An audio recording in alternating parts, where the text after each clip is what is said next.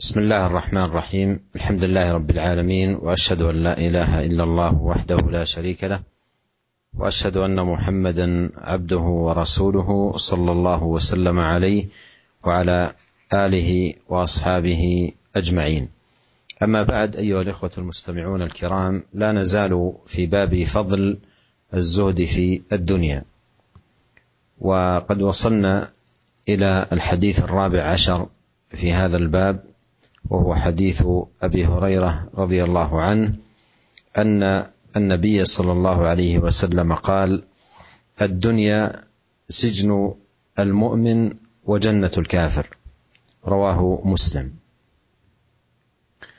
هذا الحديث فيه أيها الإخوة المستمعون الكرام هوان الدنيا على الله سبحانه وتعالى.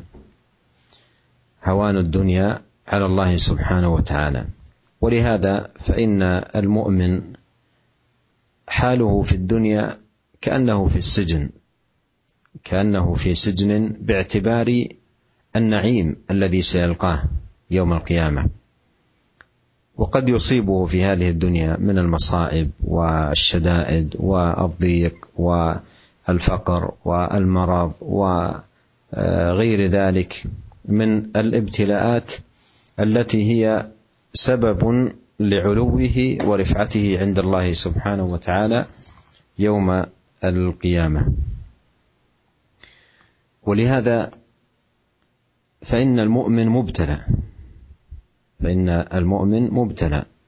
والدنيا ميدان ابتلاء كما قال الله تعالى ولنبلونكم بشيء من الخوف والجوع ونقص من الأموال والأنفس والثمرات فهي دار ابتلاء وامتحان. وهي للمؤمن كالسجن باعتبار حاله التي ستكون في الدار الآخرة يوم يكرمه الله سبحانه وتعالى بدخول جنات النعيم التي فيها ما لا عين رأت ولا أذن سمعت ولا خطر على قلب بشر.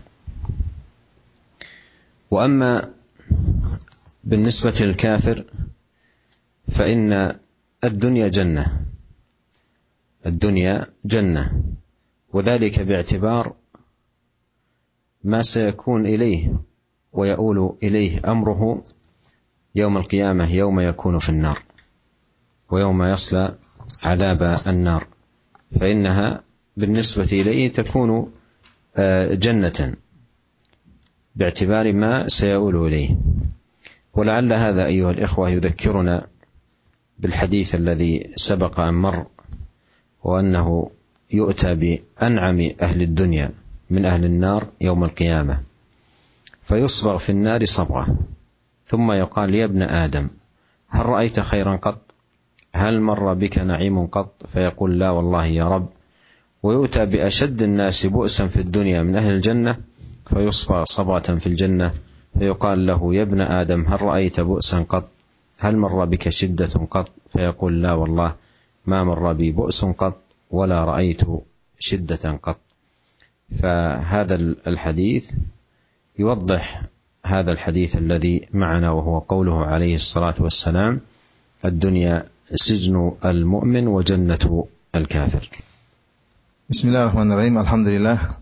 Segala puji dan syukur kita panjatkan kehadirat Allah Subhanahu wa taala. Salawat dan salam semoga senantiasa tercurahkan kepada junjungan kita suri teladan kita Nabi Muhammad sallallahu alaihi wasallam dan juga istri-istri beliau serta kerabat beliau dan seluruh sahabat beliau tanpa terkecuali.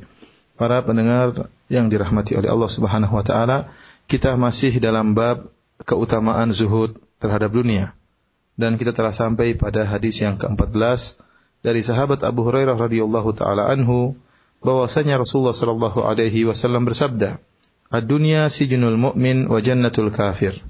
Dunia itu adalah penjaranya orang yang beriman dan surganya orang yang kafir. Diriwayatkan oleh Imam Muslim dalam sahihnya. Para pendengar yang dirahmati oleh Allah Subhanahu wa taala, hadis ini menunjukkan akan rendahnya dunia di sisi Allah Subhanahu wa taala. Oleh karenanya, seorang mukmin kondisinya di dunia seakan-akan dia berada di penjara.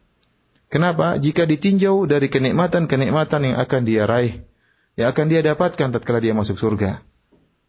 Oleh karenanya jika dia hidup di dunia ini meskipun dia merasakan kenikmatan akan tetapi ya kenikmatan tersebut terkontaminasi dengan perkara-perkara yang menyedihkannya berupa cobaan, ujian seperti kesedihan, sakit, kemiskinan, ketakutan ya. Dan kita tahu bahwasanya ujian-ujian ini akan mengangkat derajat mukmin tersebut tatkala di hari kiamat kelak. Dan ingatlah bahwasanya seorang yang beriman pasti akan diuji oleh Allah Subhanahu wa taala. Dan dunia dunia ini adalah medan ujian. Medan ujian. Allah Subhanahu wa taala telah berjanji akan menguji kaum mukminin.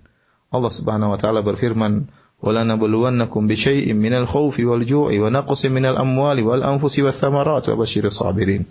Sungguh kami akan benar-benar menguji kalian dengan rasa takut, dengan rasa lapar, ya, dengan kekurangan harta, kekurangan jiwa, ya, dan berilah kabar gembira kepada orang-orang yang bersabar. Karenanya dunia ini seperti penjara bagi seorang yang beriman. Jika ditinjau dari kenikmatan-kenikmatan yang akan diraih oleh seorang yang beriman di surga kelak, kenikmatan yang tidak pernah dilihat oleh mata mereka, kenikmatan yang tidak pernah didengar oleh telinga-telinga mereka, dan kenikmatan yang tidak pernah terbetik dalam hati-hati mereka. Adapun dunia bagi orang kafir maka seperti surga bagi mereka. Orang-orang kafir dunia ini adalah surga mereka. Jika ditinjau dari kondisi mereka yang akan mereka dapatkan tatkala di hari kiamat kelak, di mana mereka akan menemukan azab neraka jahanam yang sangat pedih. Oleh karenanya jika dibandingkan dengan azab yang akan mereka raih di akhirat kelak, maka sungguhnya kondisi mereka di dunia ini merupakan surga bagi mereka. Para pendengar yang dirahmati oleh Allah Subhanahu wa taala, hadis ini mengingatkan kita dengan hadis yang telah lalu, yang telah pernah kita baca, di mana Rasulullah SAW menjelaskan pada hari kiamat kelak didatangkanlah salah seorang dari penduduk neraka yang dia di dunia dahulu adalah seorang yang sangat kaya raya, yang paling penuh dengan kenikmatan, yang paling banyak mendapat karunia dari Allah Subhanahu wa taala. Akan tapi dia termasuk penduduk neraka. Maka didatangkan orang tersebut kemudian dicelupkan dalam api neraka jahanam. Kemudian setelah itu diangkat dan ditanya kepada dia, "Wahai anak Adam, apakah engkau melihat kebaikan sedikit pun? Apakah pernah engkau merasakan kenikmatan sedikit pun?" Maka dia berkata, "Wallahi ya Rabb, tidak demi Allah. Tidak demi Allah aku tidak pernah merasakan kenikmatan sama sekali." Ya. Kemudian didatangkan seorang penduduk surga yang dahulu di dunia merupakan orang yang paling menderita, orang yang paling merasakan kesulitan. Kemudian orang ini pun dimasukkan, dicelupkan dalam surga Allah Subhanahu wa taala dengan sekali celupan, kemudian dikeluarkan, maka ditanyakan kepada dia, Apakah kau pernah merasakan kesulitan sama sekali? Apakah kau pernah merasakan kesempitan sama sekali? Maka dia berkata, La wallahi ma marra bi bu'sun qad, wala ra'aitu qad. Tidak demi Allah ya Allah, aku tidak pernah tidak pernah merasakan kesulitan dan aku tidak pernah aku merasakan kepayahan sedikit pun. Hadis ini ya seakan-akan ya menjelaskan tentang makna dari hadis yang sedang kita bahas yaitu dunia adalah uh, penjaranya seorang yang beriman dan surganya seorang yang kafir. ثم أورد رحمه الله تعالى حديث ابن عمر رضي الله عنهما قال أخذ رسول الله صلى الله عليه وسلم بمنكبي فقال كن في الدنيا كانك غريب أو عابر سبيل وكان ابن عمر رضي الله عنهما يقول اذا امسيت فلا تنتظر الصباح واذا اصبحت فلا تنتظر المساء وخذ من صحتك لمرضك ومن حياتك لموتك رواه البخاري. قال النووي رحمه الله تعالى قالوا في شرح هذا ما معناه لا تركن إلى الدنيا ولا تتخذها وطنا ولا تحدث نفسك بطول البقاء فيها ولا بالاعتناء بها ولا تتعلق منها إلا بما يتعلق به الغريب في غير وطنه. ولا تشتغل فيها بما لا يشتغل به الغريب الذي يريد الذهاب إلى أهله وبالله التوفيق. هذا الحديث أيها الإخوة المستمعون الكرام فيه بيان النبي عليه الصلاة والسلام لهوان شأن الدنيا وأن الذي ينبغي على العبد المؤمن ألا تستهلك وقته وألا تستغرق حياته لأنه لأنها في الحقيقة معبر وليست دار قرار دار عبور وليست دار قرار. والعاقل إذا كان شأنه كذلك فإنه لا لا يحفل بشيء ليس هو موضع قرارا له. كما هو المثال الواضح الذي ضربه النبي عليه الصلاة والسلام حيث قال كن في الدنيا كأنك غريب أو عابر سبيل. ومن المعلوم أن الغريب وهو الذي يدخل بلدة ليقيم فيها مدة يسيرة أو وقتا محدودا وكذلك عابر السبيل الذي يمر البلدة وليس من عند عنده نية إقامة فيها فإن كل منهما لا يحفل بأمر لا في في أمر ذلك البلد من حيث العناية بالمسكن والعناية بالأمور الأخرى والحاجيات والمصالح ونحو ذلك لأنه يعرف أنه سيرحل وأنه لن يقيم. وهذا حال الإنسان في هذه الدنيا أنه سيرحل. ربما تكون يكون رحيل أسرع من رحيل الغريب أو العابر للسبيل لأنه لا يدري متى يفجأه الموت الذي يكون به المغادر لهذه الحياة الدنيا.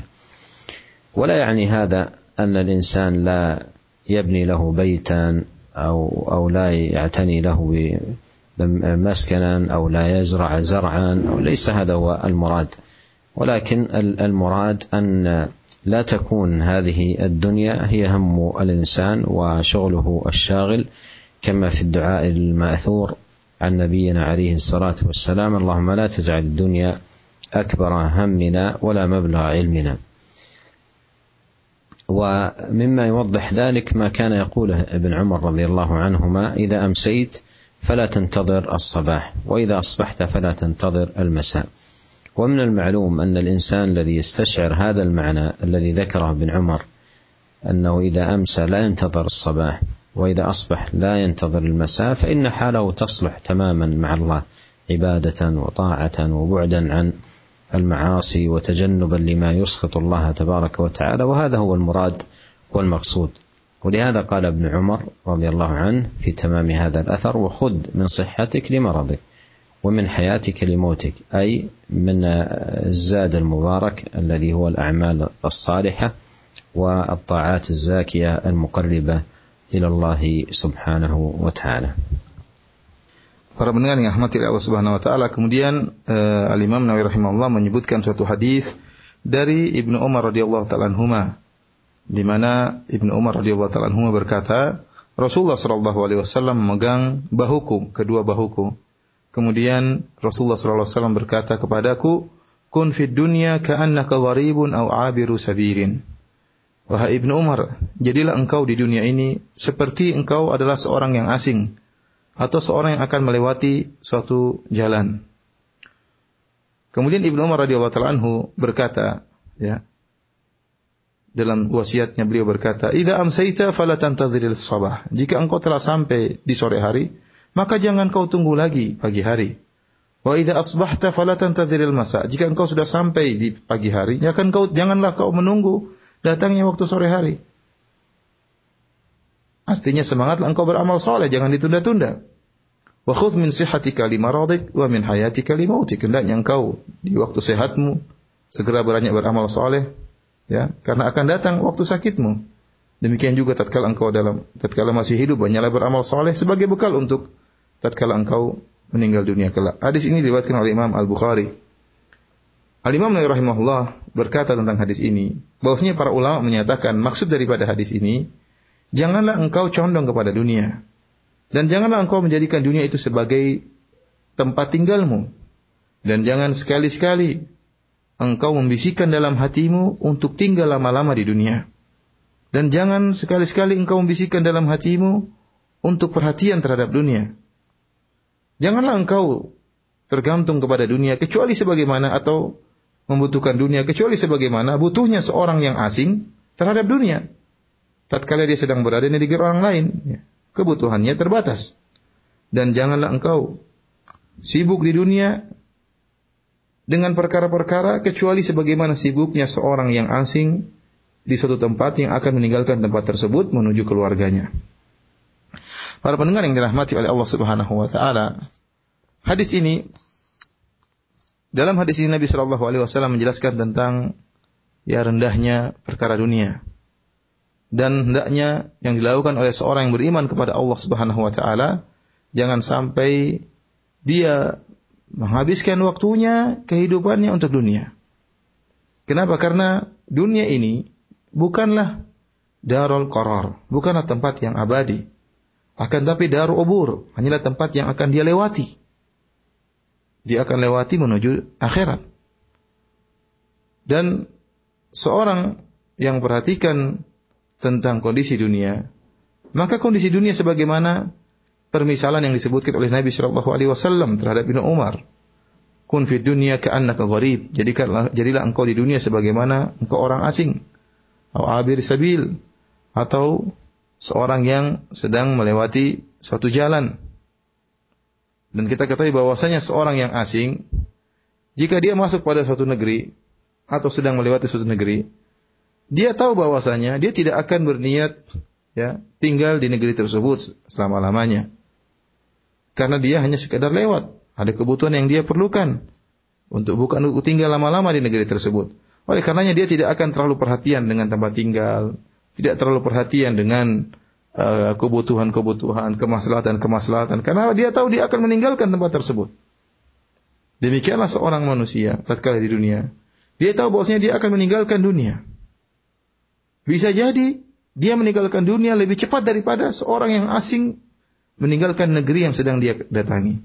Kenapa? Karena kematian datang secara tiba-tiba. Hendaknya dia menjadi seperti orang yang asing di dunia ini. Akan tapi para pendengar yang dirahmati oleh Subhanahu wa taala, bukanlah maksud dari hadis ini seorang tidak boleh membangun rumah, ya, tidak boleh membeli ini, tidak boleh uh, membeli dunia, tidak. Ini boleh-boleh saja akan tapi yang dimaksud jangan sampai dunia itu merupakan perkara yang menyibukkannya, yang merupakan cita-citanya. Dan ini sebagaimana disebutkan dalam doa Nabi sallallahu alaihi wasallam, "Wala taj'alid dunya akbar hammina wala mablagha ilmina." Yang artinya ya Allah janganlah kau jadikan dunia sebagai ya cita-citaku yang terbesar, ya tujuanku yang terbesar dan janganlah engkau menjadikan dunia sebagai puncak dari ilmuku. Kemudian Ibnu Umar radhiyallahu taala anhu berkata, "Idza amsayta fala tantazir sabah." Jika engkau sudah sampai di waktu sore hari, jangan kau tunggu waktu pagi hari, segera beramal soleh, jangan ditunda-tunda. Wa idza asbahta fala tantadhiril masa. Jika engkau sudah tiba di pagi hari, jangan kau tunda jangan kau tunda-tunda amalan solehmu. Jangan kau tunggu sampai sore hari baru beramal. Wa khudh min sihatika limaradik. Tatkala engkau sehat, banyaklah beramal soleh sebelum datang sakitmu. Wa min hayatika limautik dan tatkala engkau masih hidup beramal solehlah engkau sebelum datang kematianmu. Barang siapa yang perhatikan nasihat Ibnu Umar ini, maka dan menjalankan nasihat Ibnu Umar ini, maka dia benar-benar akan banyak beramal soleh akan bagus kondisinya, indah kondisinya bersama Allah Subhanahu wa taala, akan semangat ibadahnya dan semakin menjauhkan dirinya dari kemaksiatan ya karena dia telah membekali dirinya dengan bekal yang penuh keberkahan yaitu ketaatan dan kesolehan kepada Allah Subhanahu wa taala untuk berjalan menuju tempat yang abadi yaitu hari akhirat. ثم أورد رحمه الله تعالى حديث أبي العباس سهل بن سعد الساعدي رضي الله عنه قال جاء رجل إلى النبي صلى الله عليه وسلم فقال يا رسول الله دلني على عمل إذا عملته أحبني الله وأحبني الناس. فقال ازهد في الدنيا يحبك الله وازهد فيما عند الناس يحبك الناس. حديث حسن رواه ابن ماجه وغيره بإسناد بأسانيد حسنة. في هذا الحديث أيها الإخوة المستمعون الكرام وفقنا الله وإياكم أجمعين لكل خير. فيه حرص الصحابة رضي الله عنهم على ما يتحقق به النفع لهم فيما يقربهم إلى الله سبحانه وتعالى وفيما أيضا يحقق الصلاح بينهم وبين العباد. ولهذا جاء هذا الرجل إلى النبي عليه الصلاة والسلام وسأله هذا السؤال العظيم الذي يدل يدل على عظيم حرصهم على الخير. قال دلني على عمل إذا عملته أحبني الله وأحبني الناس. أي دلني على عمل إذا قمت به تحقق بذلك صلاح حالي بيني وبين الله وأيضا صلاح حالي بيني وبين الناس. فقال له عليه الصلاة والسلام ازهد في الدنيا يحبك الله. أي لا تركن إلى الدنيا. ولا تجعلها مقصودك وغايتك وهمك وغمك وشغلك الشاغل. كن زاهدا في الدنيا. ومعنى ذلك أن تحرص على عمارة الآخرة وعمارة ما ستلقاه يوم القيامة بالأعمال والطاعات والعبادات. ولا شك أن الإنسان إذا زهد في الدنيا ولم تكن شاغلة له عن الداخل الدار الآخرة فإنه يعمل للآخرة ويعد لها عدتها فيفوز بمحبة الله له. والوصية الأخرى قال وازهد فيما عند الناس يحبك الناس. أي لا تكن متطلعا لما بأيديهم أو تسألهم ما في أيديهم أو تعرض عليهم حاجاتك وما تريد فإن الإنسان إذا كان بهذه الصفة تتعلق نفسه بما في أيدي الناس وربما يسألهم أو يعرض لهم باحتياجه إلى كذا وأنه يريد منهم كذا وإلى آخره. فإن هذا يسبب لكراهية الناس له ونفرتهم منه.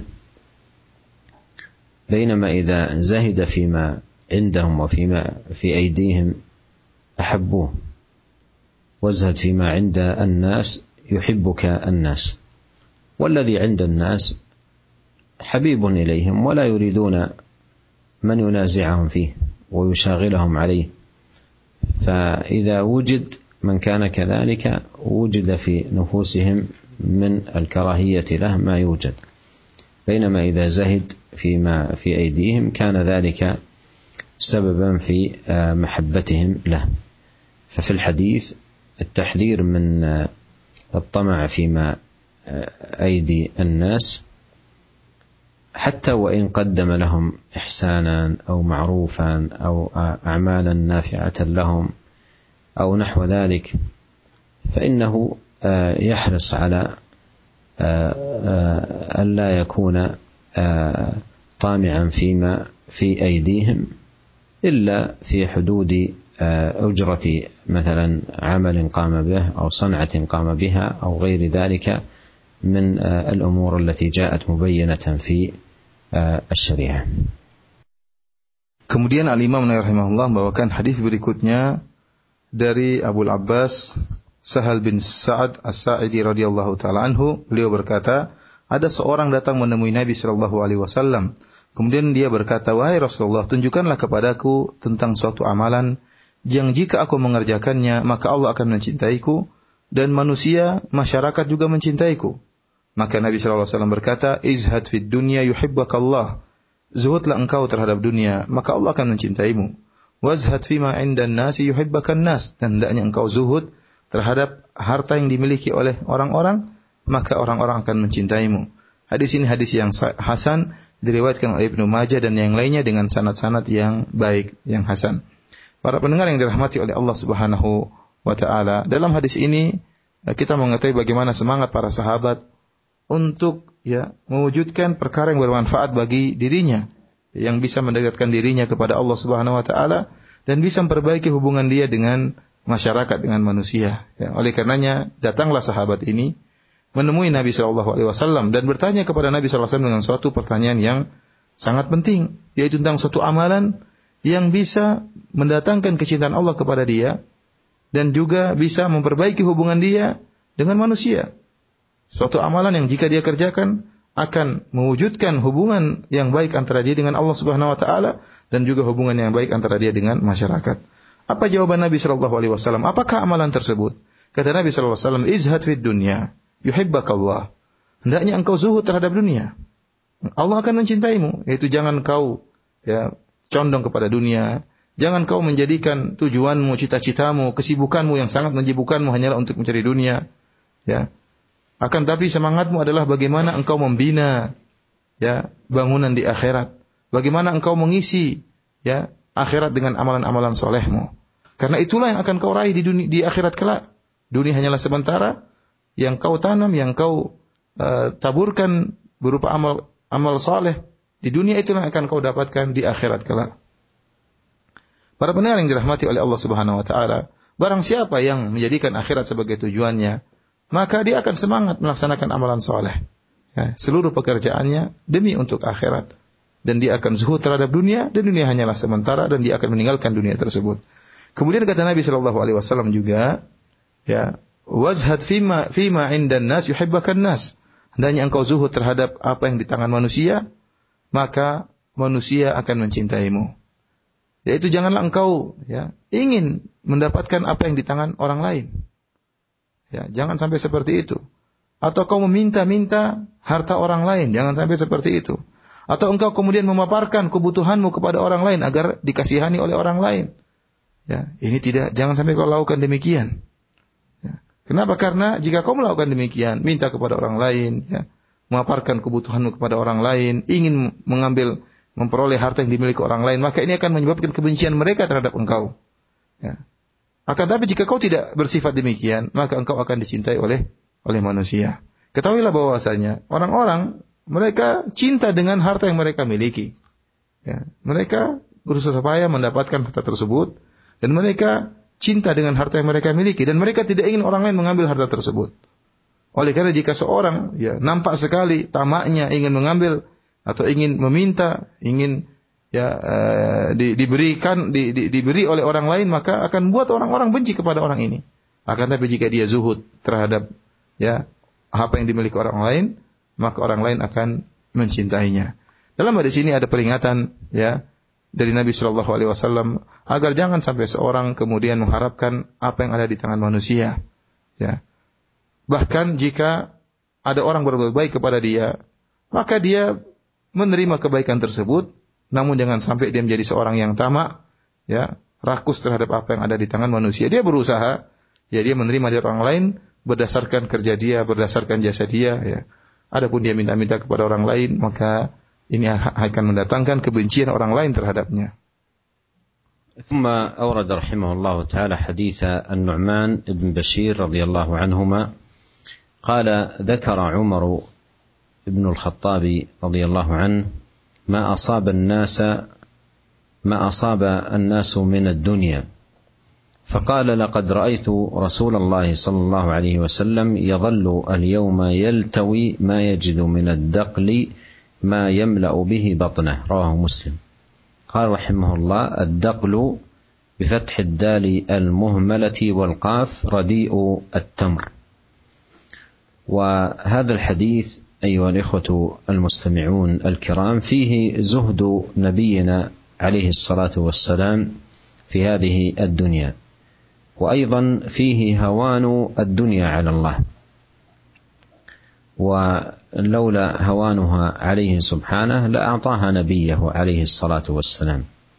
وقد كان عليه الصلاة والسلام كما في هذا الحديث يظل اليوم أي كاملا يلتوي ما يجد من الدقل أي ما يجد من آه، رديء التمر ما يملأ بطنه أي ما يشبعه من آه، الجوع الذي آه، كان معه صلوات الله وسلامه عليه. وهذا فيه زهده صلى الله عليه وسلم في الدنيا وصبره على الجوع ايثارا للآخرة وطلبا لما عند الله سبحانه وتعالى. Kemudian uh, Al Imam Nawawi rahimahullah membawakan hadis yang diriwayatkan oleh dari dari sahabat Nu'man bin Bashir radhiyallahu taala anhuma. Beliau berkata, Umar bin Khattab radhiyallahu taala anhu ya menyebutkan tentang dunia yang diraih oleh banyak oleh manusia. Umar ya menyebutkan tentang dunia yang diraih oleh masyarakat. Kemudian Umar berkata, ya, Laqad ra'aitu Rasulullah sallallahu alaihi wasallam yadhallu al-yawma yaltawi ma yajidu min ad-daghali ma yamla'u bihi batnahu. Sungguh aku telah melihat Rasulullah SAW seharian penuh kelaparan. Ya tidak mendapatkan dagal, yaitu tidak mendapatkan uh, korma yang yang yang yang buruk ya bukan korma yang bagus tapi korma yang buruk untuk memenuhi perutnya.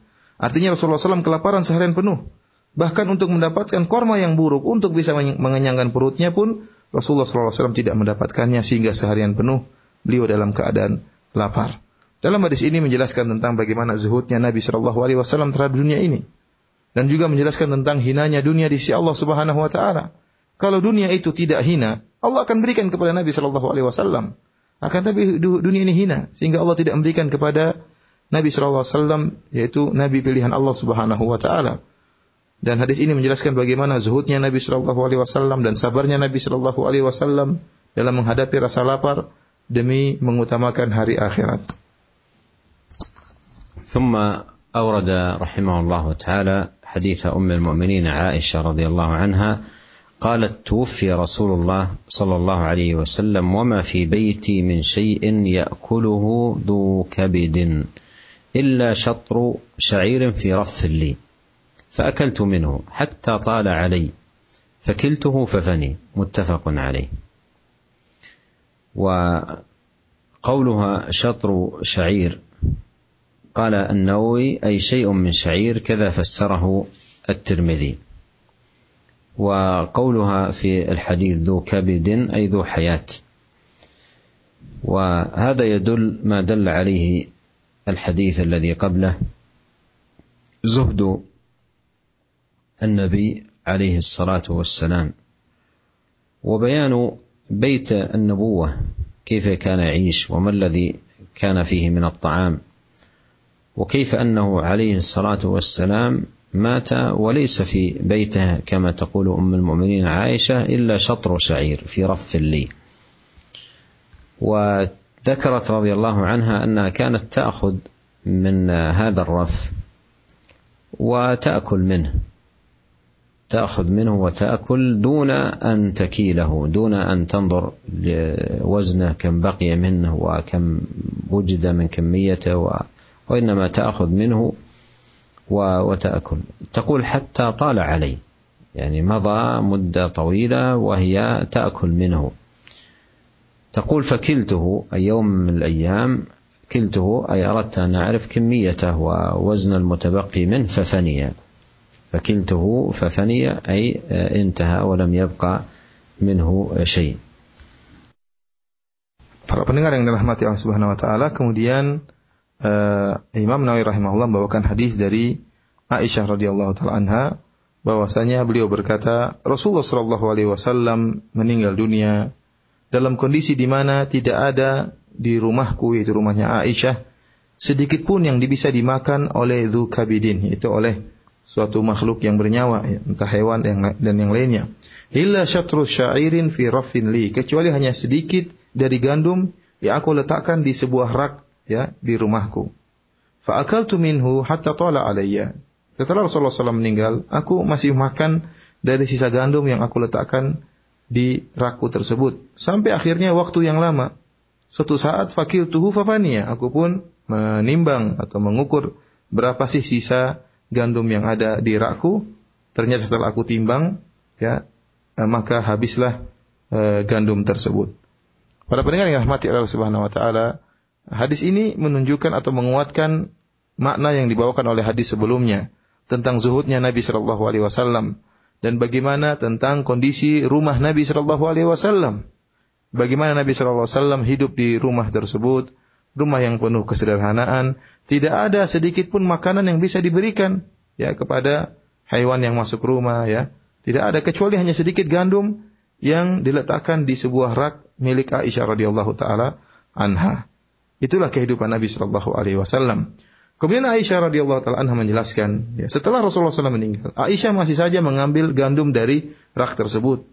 Terus dia ambil, dia makan dari rak tersebut, dari gandum tersebut, diambil dari rak tersebut dan dia makan sampai berjalan waktu yang lama. Setelah berjalan waktu yang lama, Aisyah radhiyallahu taala ingin tahu berapa sih ya sisa gandum di rak tersebut kok tidak habis-habis. Ternyata setelah ditimbang oleh Aisyah, Eh, dari gandum yang ada di rak tersebut, ternyata setelah itu habislah gandum gandum tadi. ثم أورد رحمه الله تعالى حديث عمرو بن الحارث اخي جويريه بنت الحارث ام المؤمنين رضي الله عنهما قال ما ترك رسول الله صلى الله عليه وسلم عند موته دينارا ولا درهما ولا عبدا ولا امه ولا شيئا إلا بغلته البيضاء التي كان يركبها وسلاحه وارضا جعلها لابن السبيل صدقة رواه البخاري.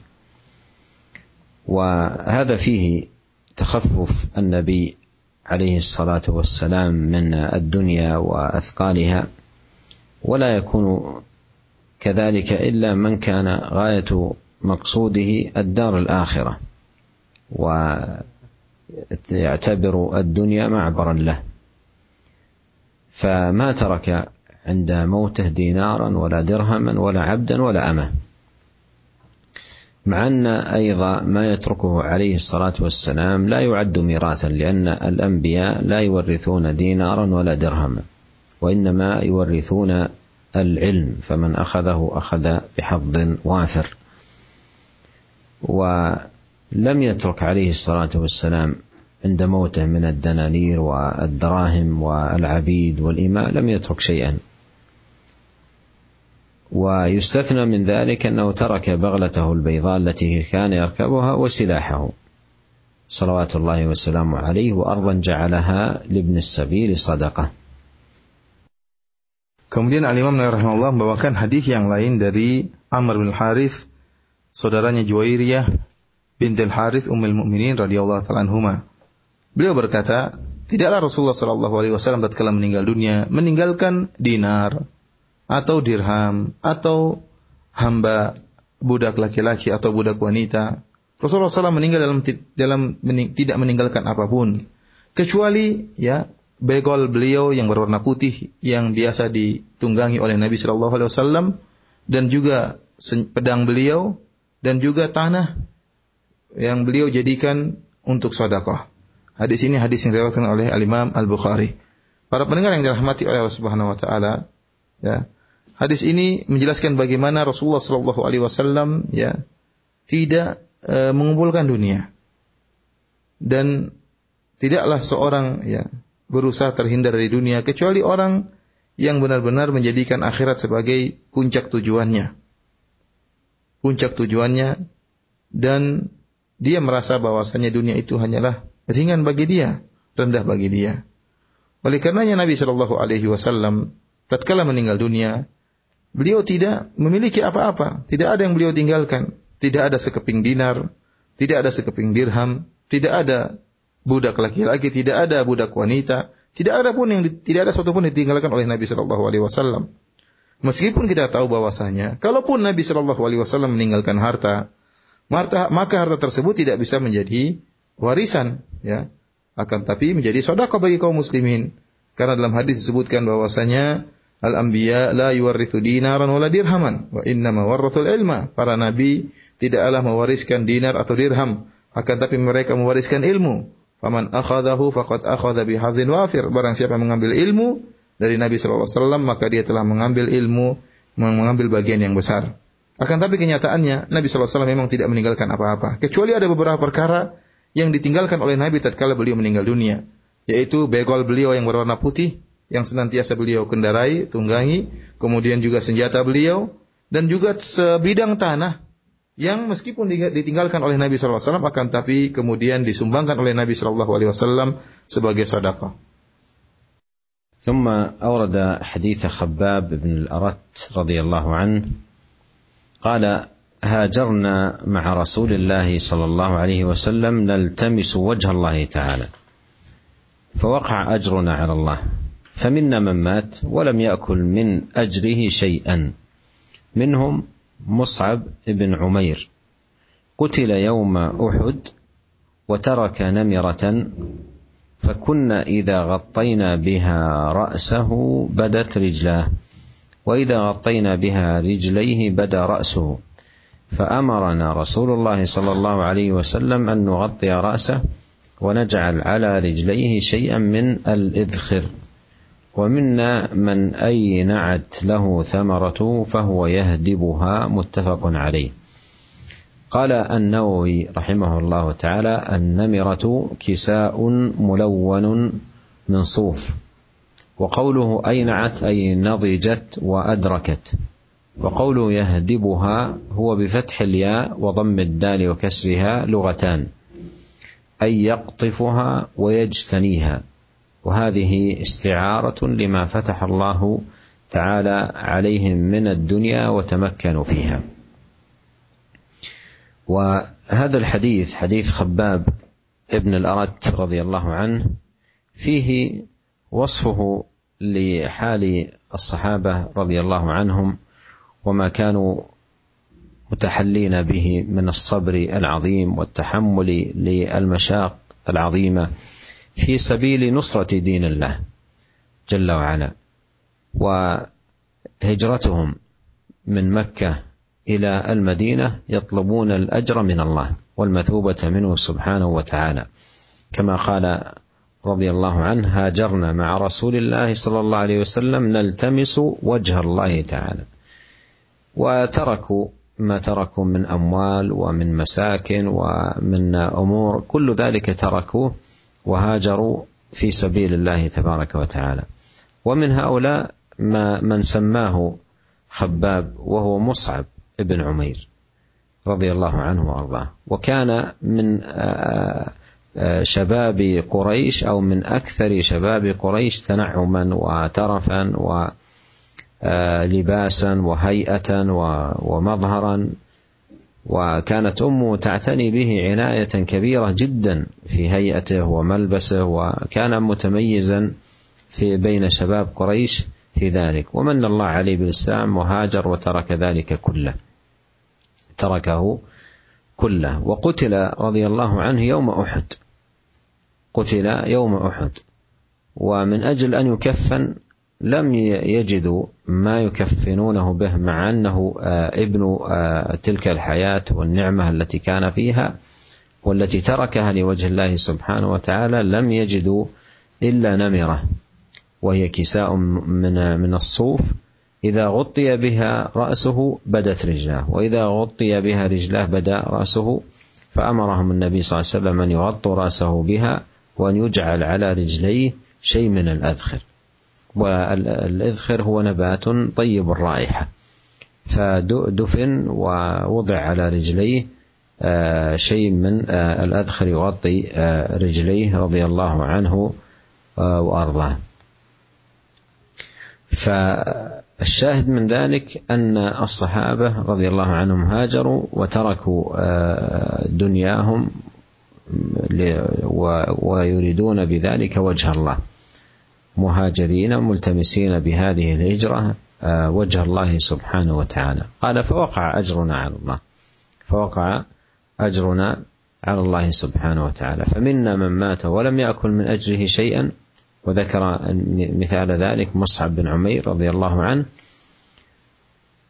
ومنا من أينعت له ثمرته فهو يهدبها أي يقطفها ويجنيها مما أعطاهم الله سبحانه وتعالى في هذه الدنيا.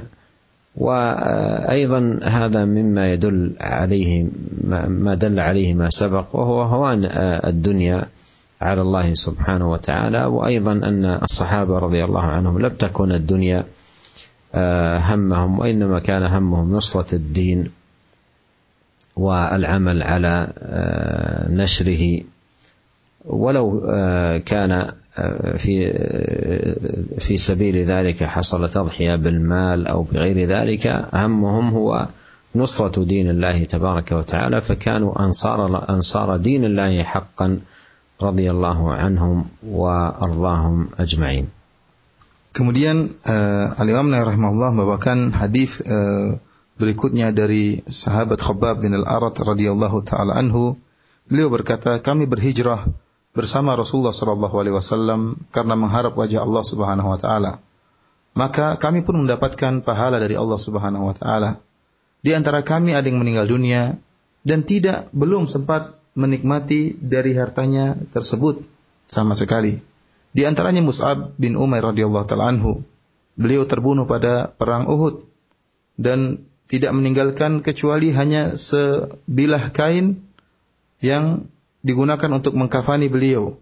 Kami jika menutup tubuh beliau dengan kain tersebut, menutup kepala beliau, maka muncullah kedua kaki beliau tidak bisa ditutup.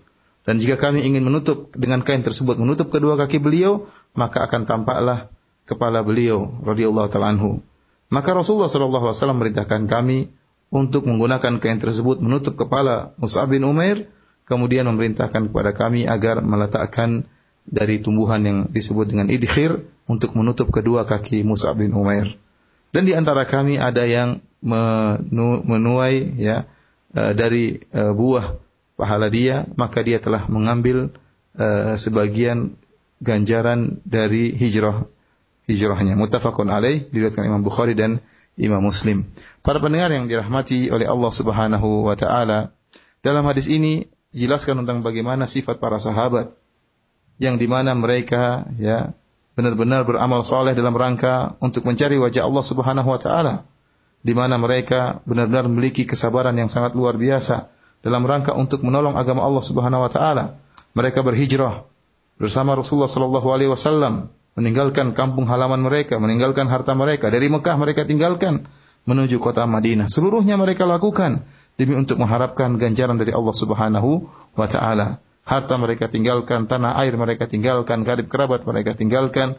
Mereka pun berhijrah menuju kota Madinah. Dan di antara orang-orang yang berhijrah sebagaimana disebutkan oleh Khabbab bin Al-Arad yaitu Mus'ab bin Umair radhiyallahu taala anhu. Yang Mus'ab bin Umair dahulu adalah seorang pemuda yang sangat mewah ya. Pakaiannya mewah, kemudian penampilannya mewah ya. Dia adalah pemuda yang spesial yang berbeda daripada pemuda-pemuda Quraisy tatkala itu.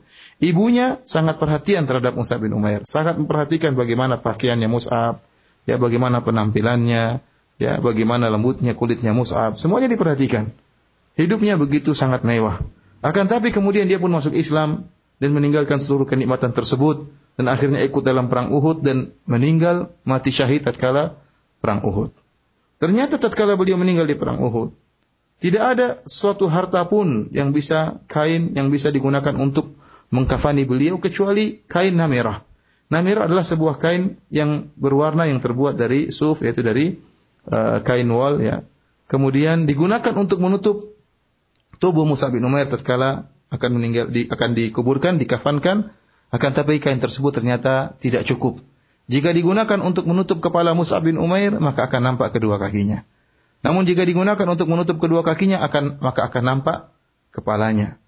Akhirnya, lihatlah bagaimana sang pemuda yang tadinya hidup dengan penuh kemewahan, dengan pakaian yang begitu indah, dengan minyak wangi yang begitu harum, akan tapi tatkala meninggal dunia, dia tidak memiliki dunia kecuali hanya sebilah kain itu pun tidak cukup untuk menutupi tubuhnya. Oleh karenanya Nabi SAW memerintahkan untuk menggunakan kain tadi, mengkafani bagian kepala Musa bin Umair radhiyallahu taala anhu, adapun bagian kaki kemudian ditutup dengan idkhir, yaitu semacam tumbuhan yang berbau harum, yang baunya eh, eh baunya harum kemudian diletakkan untuk menutup kaki Musa bin Umair.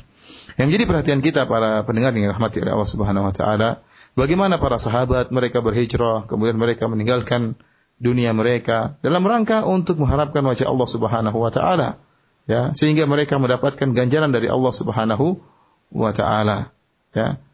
Dan di antara mereka ya ada sahabat di antara mereka ada yang mendapatkan sebagian dari ganjaran Allah yang mendapatkan sedikit dunia setelah mereka berhijrah setelah mereka berperang mereka mendapatkan sebagian dari harta dunia. Akan tapi meskipun mereka mendapatkan dunia Allah berikan kepada mereka akan tapi tujuan mereka hanyalah akhirat Tujuan mereka utamanya adalah mencari keridhaan Allah Subhanahu wa taala. Hadis ini menunjukkan bagaimana rendahnya dunia di sisi Allah Subhanahu wa taala dan dunia bukanlah tujuan dan cita-cita para sahabat. Tujuan mereka adalah bagaimana bisa menolong agama Allah dan bagaimana bisa menolong ya uh, ajaran-ajaran Allah Subhanahu wa taala. Maka sungguhnya mereka adalah para penolong-penolong Allah yang hakiki. ثم أورد رحمه الله تعالى حديث سهل بن سعد الساعدي رضي الله عنه قال قال رسول الله صلى الله عليه وسلم لو كانت الدنيا تعدل عند الله جناح بعوضة ما سقى كافرا منها شربة ماء. رواه الترمذي وقال حديث حسن صحيح. وفي هذا الحديث أيها المستمعون الكرام بيان هوان الدنيا على الله سبحانه وتعالى. وأن الدنيا لا تساوي عنده جل في علاه جناح بعوضة. ومن أدل الدليل على ذلك أن الكفار الأشرار الملحدون الكفار الأشرار الملحدين يتنعمون في هذه الدنيا مركبا وملبسا ومشربا وغير ذلك. وفي هذا أن الدنيا يعطيها الله سبحانه وتعالى من يحب ومن لا يحب. أما الآخرة فإنه سبحانه وتعالى لا يعطيها إلا من يحب. ولهذا قال في الحديث في هذا الحديث لو كانت الدنيا تعدل عند الله جناح بعوضة ما سقى كافرا منها شربة ماء. لكن كون الكفار يطعمون ويشربون مع أنهم يكفرون بالله ويكذبون بالبعث وأيضا لا لا يقومون بطاعة الله ويرتكبون ما حرم الله عنه. وربما أيضا يوجد فيهم من يسب الله أو يسب دينا أو يسب انبياء أو غير ذلك. ومع ذلك يأكل في هذه الدنيا ويشرب ويسكن وينام إلى غير ذلك. فهذا كله مما يدل على هوان هذه الدنيا على الله سبحانه وتعالى وانها لا تساوي جناح بعوضة بدليل أنها يعطيها من يحب ومن لا يحب. أما الآخرة فشأنها آخر ومقامها آخر ولا يعطيها الله سبحانه وتعالى إلا من يحب. كلا نمد هؤلاء وهؤلاء أي الكفار والمؤمنين من أمور الدنيا. كلا نمد هؤلاء وهؤلاء من عطاء ربك وما كان عطاء ربك محظورا انظر كيف فضلنا بعضهم على بعض وللآخرة أكبر درجات وأكبر تفضيلا Para pendengar yang dirahmati oleh Allah Subhanahu wa taala, kemudian Al Imam Nawawi rahimahullah membawakan sebuah hadis dari Sahal bin Sa'ad As-Sa'idi radhiyallahu taala anhu di mana Rasulullah sallallahu alaihi wasallam pernah bersabda, "Lau kanatid dunya ta'dilu 'inda Allah janaha ba'udah, ma saqa kafiran minha syarbata ma'in." Kalau seandainya dunia itu sebanding dengan sayap seekor nyamuk, nilainya sebanding dengan sayap seekor nyamuk, maka Allah tidak akan berikan kepada seorang kafir dari dunia tersebut meskipun hanya seteguk air. Hadis ini diriwayatkan oleh Imam Tirmidzi dan beliau berkata hadisun hasanun sahih.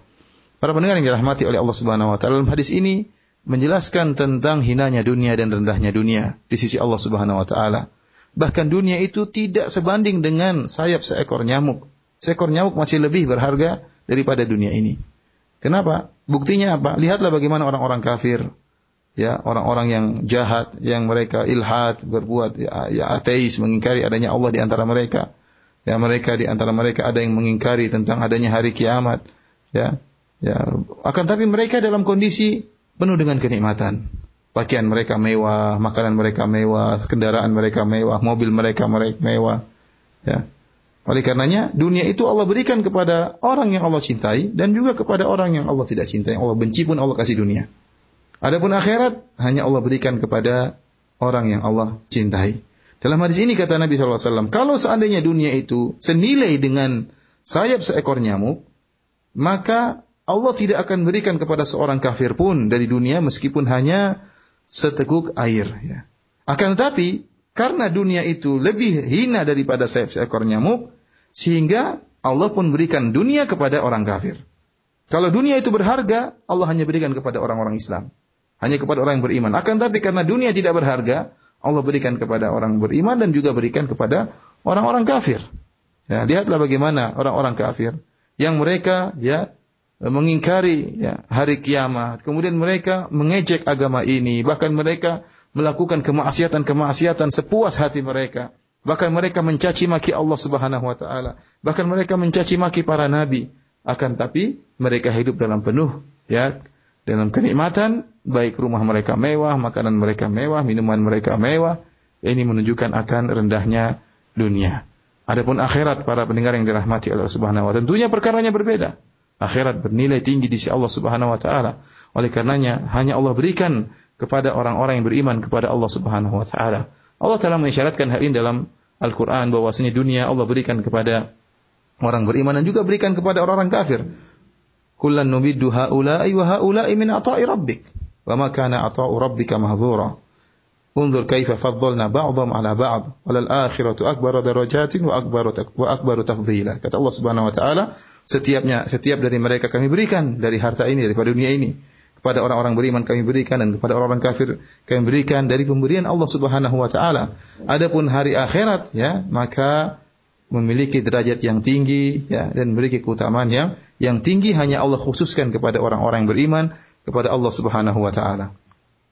ثم أورد رحمه الله حديث أبي هريرة رضي الله عنه قال سمعت رسول الله صلى الله عليه وسلم يقول ألا إن الدنيا ملعونة ملعون ما فيها إلا ذكر الله تعالى وما والاه وعالما ومتعلما.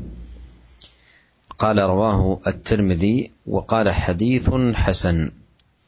قوله عليه الصلاة والسلام ألا إن الدنيا ملعون ملعون ما فيها هذا فيه الذم للدنيا. وبيان أنها آه، أنها حقيرة وأنها مبغضة وأن هذا هو شأنها. ولا يستثنى منها إلا ذكر الله تعالى وما والاه وعالما ومتعلما. هذا الذي يستثنى. ما كان من أمر الدنيا شاغلا عن الآخرة كله مذموم. إلا ما كان ذكرا لله وما والى الذكر أي ما كان نظيره ويماثله من الأعمال والطاعات والأدعية ونحو ذلك. وعالما ومتعلما أي مشتغلا بتعلم العلم أو تعليمه للآخرين. وإلا فإن أمور الدنيا شأنها كما أخبر نبينا صلوات الله وسلامه وبركاته عليه. Kemudian para pendengar dirahmati Allah Subhanahu wa taala, Imam Nawawi rahimahullah membawakan hadis berikutnya dari sahabat Abu Hurairah radhiyallahu taala anhu. Beliau berkata, "Sami'tu Rasulullah sallallahu alaihi wasallam yaqul." Saya mendengar Rasulullah sallam bersabda, "Ala inna dunya mal'unatun wa mal'unun ma fiha." Ketahuilah bahwasanya dunia itu terlaknat dan terlaknat seluruh apa yang ada di dunia. Illa dzikrallahi ta'ala wa ma walahu wa aliman muta'alliman. Kecuali mengingat Allah Subhanahu wa taala dan perkara-perkara yang ya, mirip dengan zikir kepada Allah Subhanahu wa taala dan seorang yang alim dan seorang yang belajar. Hadis ini diriwayatkan oleh Imam Tirmidzi dan beliau mengatakan hadithun hasanun. Itu hadis yang hasan. Para pendengar yang dirahmati oleh Allah Subhanahu wa taala, perhatikan dalam hadis ini tatkala Nabi sallallahu alaihi wasallam mengatakan inna dunya mal'unatun wa mal'unun ma fiha. Sungguhnya dunia itu terlaknat dan seluruh di atas dunia adalah terlaknat ini adalah celaan terhadap dunia. Bahwasanya dunia itu adalah rendah dan hina dan dibenci oleh Allah Subhanahu wa taala. Dan demikianlah kondisi dunia. Tidak ada yang disukai oleh Allah Subhanahu wa taala dunia ini. Kecuali apa? Tidak dikecualikan kecuali yang disebutkan oleh Nabi sallallahu alaihi wasallam, illa.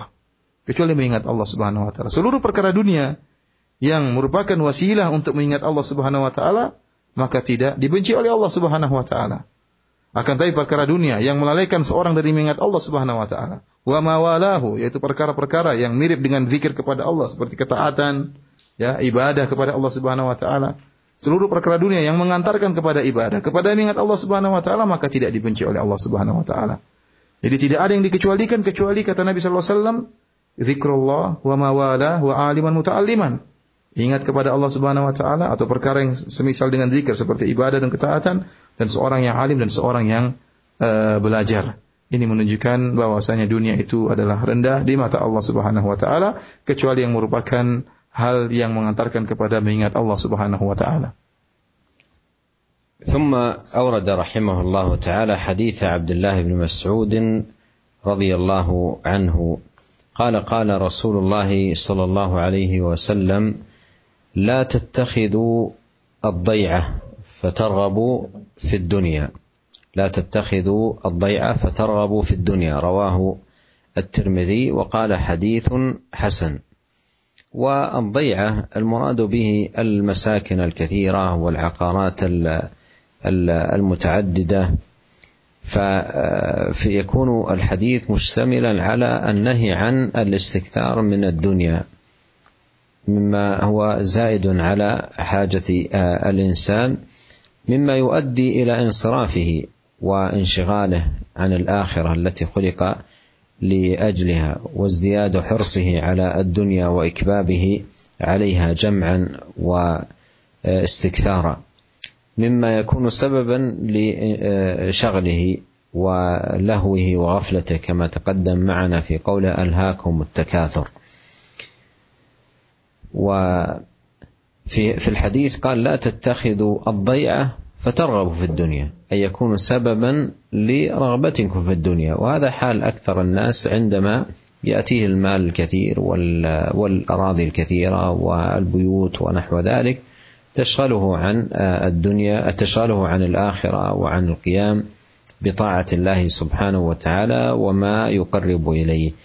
ولا يزال المصنف رحمه الله تعالى يسوق الأحاديث في هذا الباب باب فضل الزهد في الدنيا ونكتفي يومنا بهذا القدر ونسأل الله سبحانه وتعالى أن ينفعنا أجمعين بما علمنا وأن يزيدنا علما وأن يصلح لنا شأننا كله والا يكلنا إلى أنفسنا طرفة عين إنه سميع قريب مجيب. Para pendengar yang dirahmati oleh Allah Subhanahu wa taala, kemudian Al Imam Nawawi rahimahullah membawakan sebuah hadis dari sahabat Abdullah bin Mas'ud radhiyallahu taala anhu di mana Rasulullah sallallahu alaihi wasallam pernah bersabda, "La tattakhidhu dhai'ata fatarghabu fid dunya." Janganlah kalian ya memperbanyak eh, tempat-tempat uh, tinggal ya. Fatarghabu fid dunya, janganlah kalian mengambil dhai'ah. Dhai'ah itu dalam uh, pengertian yang dijelaskan oleh Syekh tadi, dhai'ah adalah Eh, tempat tinggal yang banyak, kemudian gedung-gedung yang banyak, tanah-tanah yang banyak, ya. sehingga kalian akan menjadi condong kepada dunia, senang dengan dunia. Hadis ini diriwayatkan Imam Tirmidzi dalam sunannya dan beliau berkata hadisun hasan, yaitu hadis yang hasan. Para pendengar yang dirahmati oleh Allah Subhanahu wa taala, dalam hadis ini ya ada mengandung larangan untuk memperbanyak dunia. Memperbanyak dunia, memperbanyak tempat tinggal lebih daripada kebutuhan seseorang.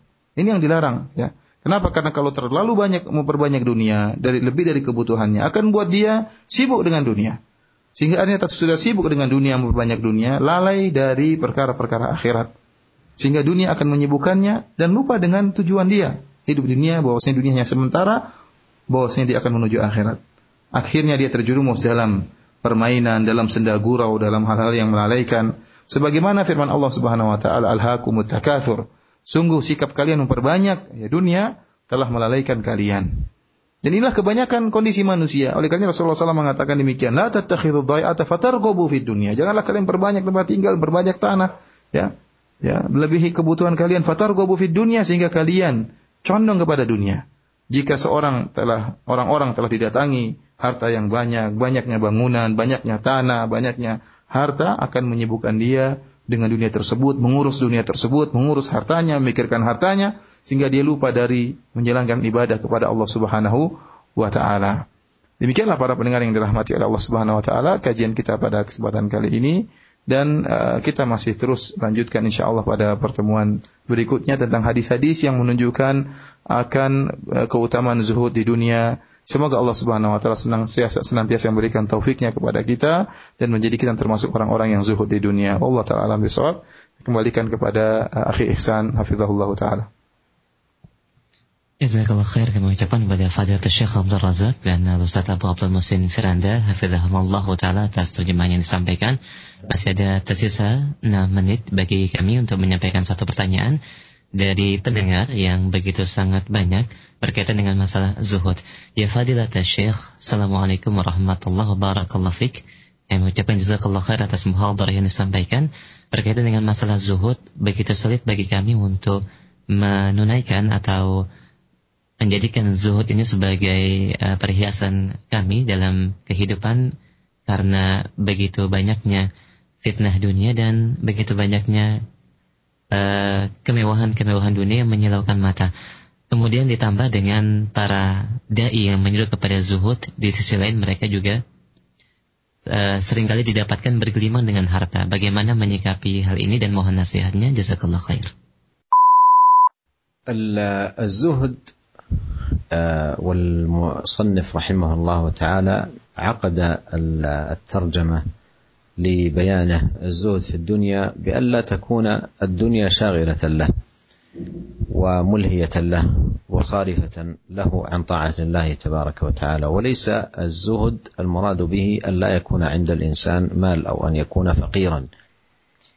فقد يكون الإنسان فقيرا وليس زاهدا في الدنيا بل فيه طمع في الدنيا من أشد ما يكون وحرص عليها وانشغال بها من أشد ما يكون. وقد يكون الإنسان عنده مال كثير أعطاه الله إياه ولا يشغله هذا المال عن الدنيا. فيكون المال في يده وليس في قلبه ولا يكون ملهيا له ولا شاغلا له قائما بفرائض الإسلام واجبات الدين ومتجنبا للحرام وحريصا على الإنفاق والبذل في في ماله. فلا فلا يقدح في زهده في الدنيا أن يكون عنده مثلا مركبا أو عنده مثلا بيتا أو عنده مسكنا أو نحو ذلك. إلا إن كانت هذه الأشياء شاغلة للعبد وملهيه له وصارفة له عما خلق لأجله وأوجد لتحقيقه. وقدمت دعاء النبي عليه الصلاة والسلام في هذا الباب. اللهم لا تجعل الدنيا أكبر همنا ولا مبلغ علمنا. فإذا كانت الدنيا في يد الإنسان وليست في قلبه وهذا يستبين بأنها لم تشغله عن فرائض الإسلام وواجبات الدين ولم توقعه في المحرمات من بيوع محرمة أو تعاط محرم أو أعمال محرمة أو أفعال منكرة أو نحو ذلك بل هو حريص على طاعته لربه وعبادته والبذل وإيتاء حق المال الزكاة التي افترضها الله عليها وبذل الصدقات ونحو ذلك. فهذا ولا شك كله من دلائل الخير وعلاماته. ونسأل الله عز وجل أن يوفقنا أجمعين لكل خير. إنه سميع قريب مجيب والسلام عليكم ورحمة الله وبركاته Waalaikumsalam warahmatullahi wabarakatuh ya Syekh. Para pendengar yang dirahmati oleh Allah Subhanahu wa taala, yang dimaksud dengan zuhud ya sebagaimana disebut oleh Nawawi rahimahullah yaitu janganlah sampai dunia itu menjadi perkara yang menyibukkan seseorang, melalaikan seorang, memalingkan dia daripada ketaatan kepada Allah Subhanahu wa taala. Bisa jadi seorang dia zuhud meskipun dia memiliki harta, tetapi harta tersebut tidak membuat dia lalai. Harta tersebut tidak membuat dia malas untuk beribadah. Ya. Jadi orang yang zuhud tidak mesti fakir, tidak mesti miskin. Bahkan bisa jadi seorang yang miskin tapi tidak zuhud. Miskin tapi dia tamak, dia tamak sekali terhadap harta. Ya sibuk mencari harta, pikirannya selalu mencari harta padahal dia miskin. Ini orang yang tidak zuhud. Kenapa? Karena harta di harta itu di hatinya. Harta itu di hatinya. Padahal belum ada di tangannya, tapi sudah ada di di hatinya. Adapun seorang yang kemudian diberi anugerah oleh Allah berupa harta yang banyak, akan tapi harta tersebut tidak membuat dia lalai daripada akhirat, ya, dia tetap bertakwa kepada Allah Subhanahu wa taala, segala kewajiban dia kerjakan, ya hartanya cuma di tangannya bukan di hatinya. Dan dia tetap semangat beribadah, semangat untuk berinfak, semangat untuk bersedekah, maka kondisi dia ini tidak ya uh, tidak merusak zuhud dia. Karena Allah telah memberikan dia harta dan dia gunakan sesuai dengan yang diperintahkan oleh Allah Subhanahu wa taala. Yang jadi masalah jika dunia tersebut, harta tersebut membuat dia tersibukan sehingga lupa untuk beribadah kepada Allah Subhanahu wa taala. Karenanya kita telah sebutkan tentang doa Nabi sallallahu alaihi wasallam, Allahumma la taj'alid dunya akbar hammina wa la mablagha ilmina. Ya Allah, janganlah kau jadikan dunia sebagai puncak cita-cita kami, ya. Dan jangan kau menjadikan dunia sebagai puncak daripada ilmu kami. Ya. Akan tapi jika dunia berada di tangan seorang manusia, tidak di hatinya, kemudian dunia tersebut nampak zuhudnya jika ternyata harta yang dia miliki tidak membuat dia lalai dari mengerjakan kewajiban zakat tetap dia bayar, sedekah tetap dia keluarkan dan dunia tersebut tidak menjerumuskan dia dari kepada perkara-perkara yang haram, ya. Tidak melalaikan dia sehingga menjerumuskan dalam perkara-perkara yang haram menunjukkan orang ini meskipun dia berharta akan tapi masih ada zuhud di hatinya. Ya. Demikianlah para pendengar yang dirahmati oleh Allah Subhanahu wa taala kajian kita pada kesempatan kali ini. Semoga Allah Subhanahu wa taala memudahkan kita untuk mengamalkan apa yang telah kita ilmui dan semoga Allah Subhanahu wa taala senantiasa memberikan taufiknya kepada kita. Wabillahi at-taufik wal hidayah. Assalamualaikum warahmatullahi wabarakatuh.